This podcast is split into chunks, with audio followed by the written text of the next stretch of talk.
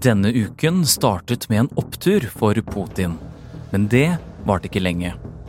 Først erklærte Russland en stor seier i Ukraina. Men så begynte det å tikke inn meldinger om røyk og om fremmede soldater på den russiske siden av grensen we destroy uh, Russian uh, Russiske medier skrev om en invasjon. Men plutselig så snakket de ikke lenger om det på TV. Hva er det som skjer i Russland? Du hører Forklart fra Aftenposten. Mitt navn er Filip A. Johannesborg, og i dag er det fredag 26. mai.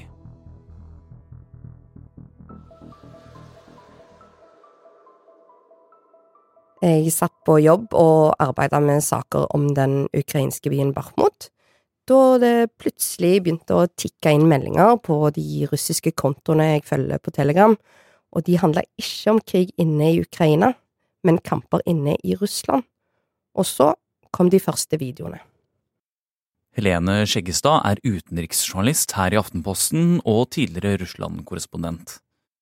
Videoene var kornete, og noen av de hadde et sånt blåskjær som gjør at det er veldig vanskelig å se hva som skjer. Men det var tydelig at på noen av de videoene så var det militære kjøretøy, og i ei gruppe i følge ble det òg delt noen ja, veldig dramatiske bilder fra det som skulle være en grensestasjon på grensa mellom Russland og Ukraina. Og så kom det bilder av maskerte soldater foran skilt med stedsnavn. Og de stedene, de ligger langs grensa mot Ukraina, et par kilometer inne i Russland. En av kontoene jeg følger tett, eh, den tilhører guvernøren i det russiske Belgorod, et område som grenser til Ukraina, og han la ut melding om at eh, de nå ble invadert, og han kalte situasjonen ekstremt spent, og at han eh, evakuerte sivile fra området. совещание, оперативную планерку, увидел, что стали, э, и под- началась массированная атака. Og dette skjer altså bare noen timer etter at Vladimir Putin gratulerte sine egne soldater med å ha tatt over en ukrainsk by. En seier som var nokså etterlengtet for Russland. I flere måneder, ja, over 200 dager, så har Russland jobba med å ta den ukrainske byen Bakhmut. Og ja, for å si det sånn, den russiske krigsmaskinen trengte sårt noe å juble over. Fordi Russland har jo sendt titusenvis av soldater i døden, kanskje hundretusenvis, hvem vet, og enda flere er jo såra. Og så er det jo sånn at Putin han er fremdeles populær i Russland, men krigen er ikke så veldig populær, og denne kampen om Bakhmut har kosta enormt mye, og det er ingenting igjen av byen. Infrastruktur som lager, verksted og ja, for ikke snakke om boliger og skoler og barnehager. Alt er ødelagt og jevna med jorda. Og mange, og russere, spør seg om det var verdt det.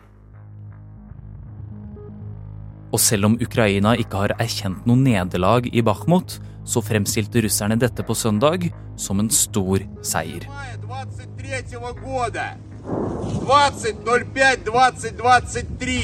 20, Men det varte ikke lenge. Noen hadde nemlig tatt seg over det veldig mange trodde var en strengt bevoktet grense. Og da meldingene om en invasjon av Russland kom, så ble det nokså kaotisk i russernes leir. Først var det kaos rundt om det skulle evakuere sivile, og, og hvorfor de skulle det. Og så gikk jo kaoset ganske fort over til panikk, for spørsmålene hagla jo på russiske sosiale medier. Altså, er Russland under angrep, og, og hvem er det som angriper, og hvor mange er de?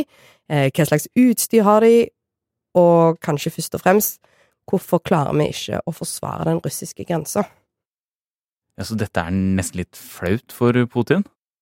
Det viser jo først og fremst én ting, nemlig at Russland ikke har kontroll på egen grense og eget territorium. Og vi vet jo at Putin har brukt milliarder rubler på å sikre denne grensa. Eller det er i hvert fall det de har sagt de har gjort. Eh, Men så vet vi jo ikke hvordan akkurat disse soldatene da tok seg over grensa. Men det er jo uansett pinlig for, eh, for Putin-regimet at de ikke har kontroll på eget territorium. Og enda flauere ble det jo for Russland da det viste seg at det ikke var ukrainere som sto bak.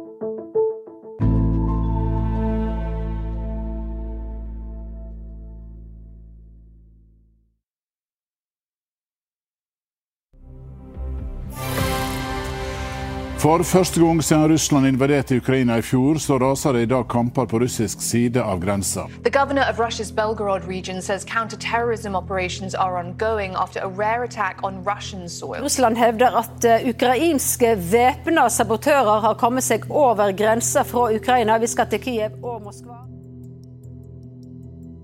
Og det så en stund ut til at det var ukrainske soldater som hadde tatt seg over grensen og invadert Russland.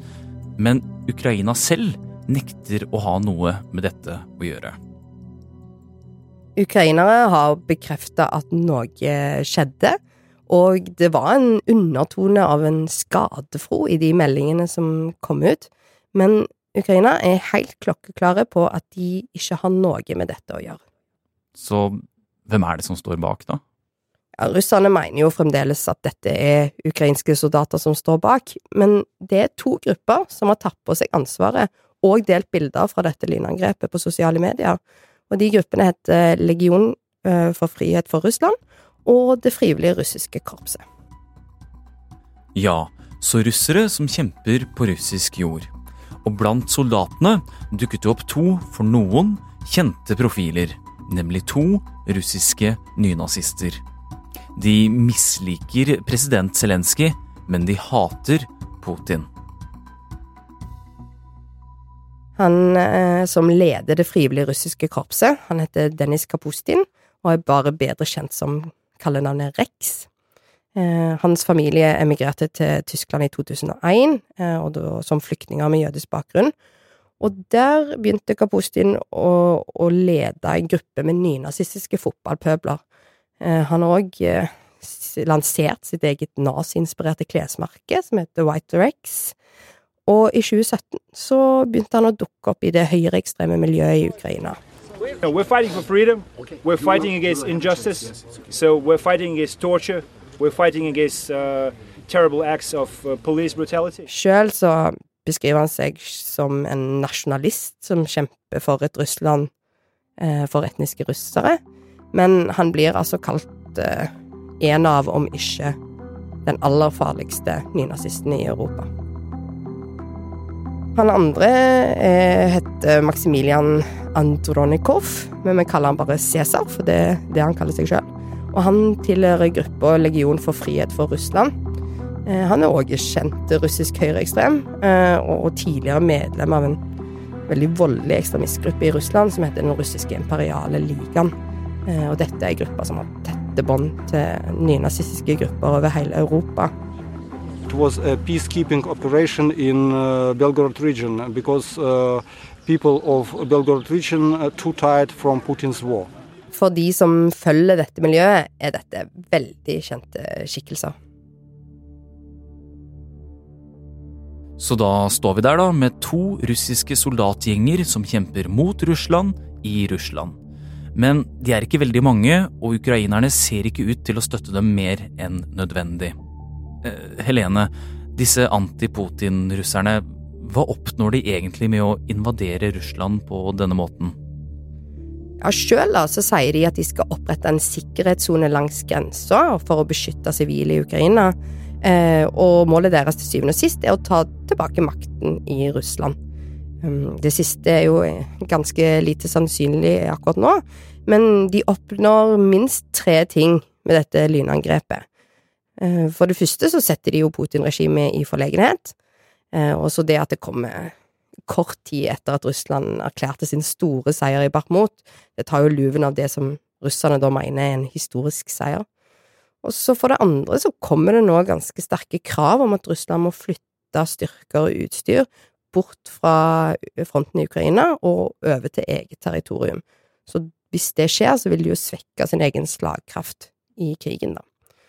Og så skaper jo dette angrepet panikk og forvirring. Eh, det ventes jo nå at Ukraina vil komme med et stort motangrep i den nærmeste fremtid.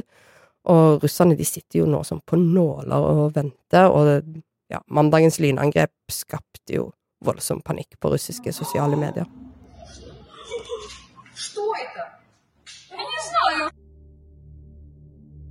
For i tillegg til at nyheten spredde seg på sosiale medier, dekket også russiske medier angrepet. Samme dag som det skjedde, eller omtrent samtidig som det skjedde, så, så var dette på topp i alle de russiske avisene. Men eh, noen dager etterpå så må du lete ganske lenge for å finne noe. Um, og guvernøren i Belgorod, han som gikk veldig hardt ut eh, når det sto på, han kaller det for en begrensa terroroperasjon. Men så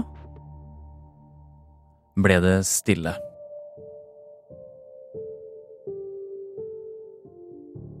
Så det kan virke som om Putin og Kreml-regimet forsøker å dysse dette ned. Eh, og Putin gjør jo dette fordi han kan. Han har enorm kontroll på hva som formidles i russiske medier, og, og kan langt på vei skape sin egen virkelighet. Og det vi alle nå lurer på, er hva Putin tenker, og hva pønsker han på? Helene, kan dette angrepet føre til at krigen mot Ukraina vil eskalere? Ja, det er et godt spørsmål, som vi òg lurer på. Eh, for vi vet jo at Putin har flere ess i ermet hvis han vil trappe opp krigen. For eksempel så er det ikke igangsatt en ny stor mobilisering av stridsdyktige menn i Russland. Og et angrep på russisk jord kan jo brukes til å si at nå må alle trø til for å forsvare fedrelandet.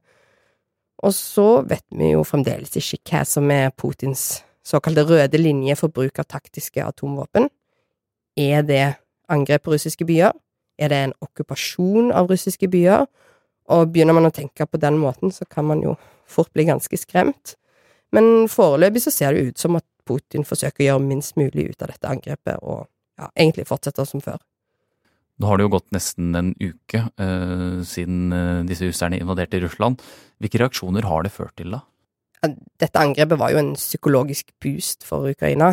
At Russland nå på en måte får smake sin egen medisin, da, og kjenne på hvordan det er å bo i en krigssone. Så gjenstår det jo fremdeles å se hva som er reaksjonen til folk som bor i Russland. Kanskje vil de bli skremt av dette og mer skeptiske til krigen, og da mer skeptiske til Putin, for eksempel. Eller som kanskje ikke er så mange liker å tenke på, eh, dette angrepet kan jo slå tilbake og føre til en økt oppslutning om krigen blant russere. At russere nå tenker at de virkelig er under angrep, og må gi alt for å forsvare Russland.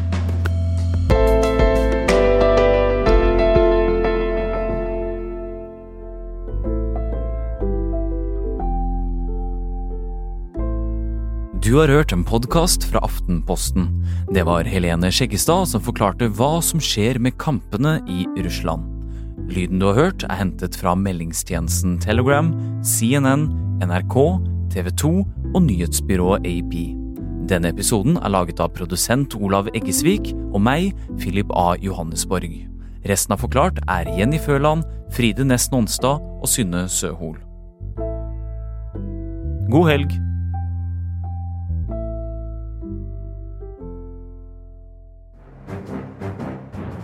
Vi er Aftenpodden. Lars Glomnes. Trine Eilertsen. Kjetil Bragli Alstheim. Sara Sørheim. Og hver uke så tar vi for oss det siste, eller i hvert fall det mest spennende i norsk politikk og samfunnsdebatt. Ja, se, Vi har holdt på faktisk siden 2015 vi, å henge oss opp i ting i norsk politikk som ikke Det er ikke alltid det er det viktigste, men det er det som pirrer oss mest. Og du kan høre oss hver uke hos Podmy eller i Aftenposten-appen.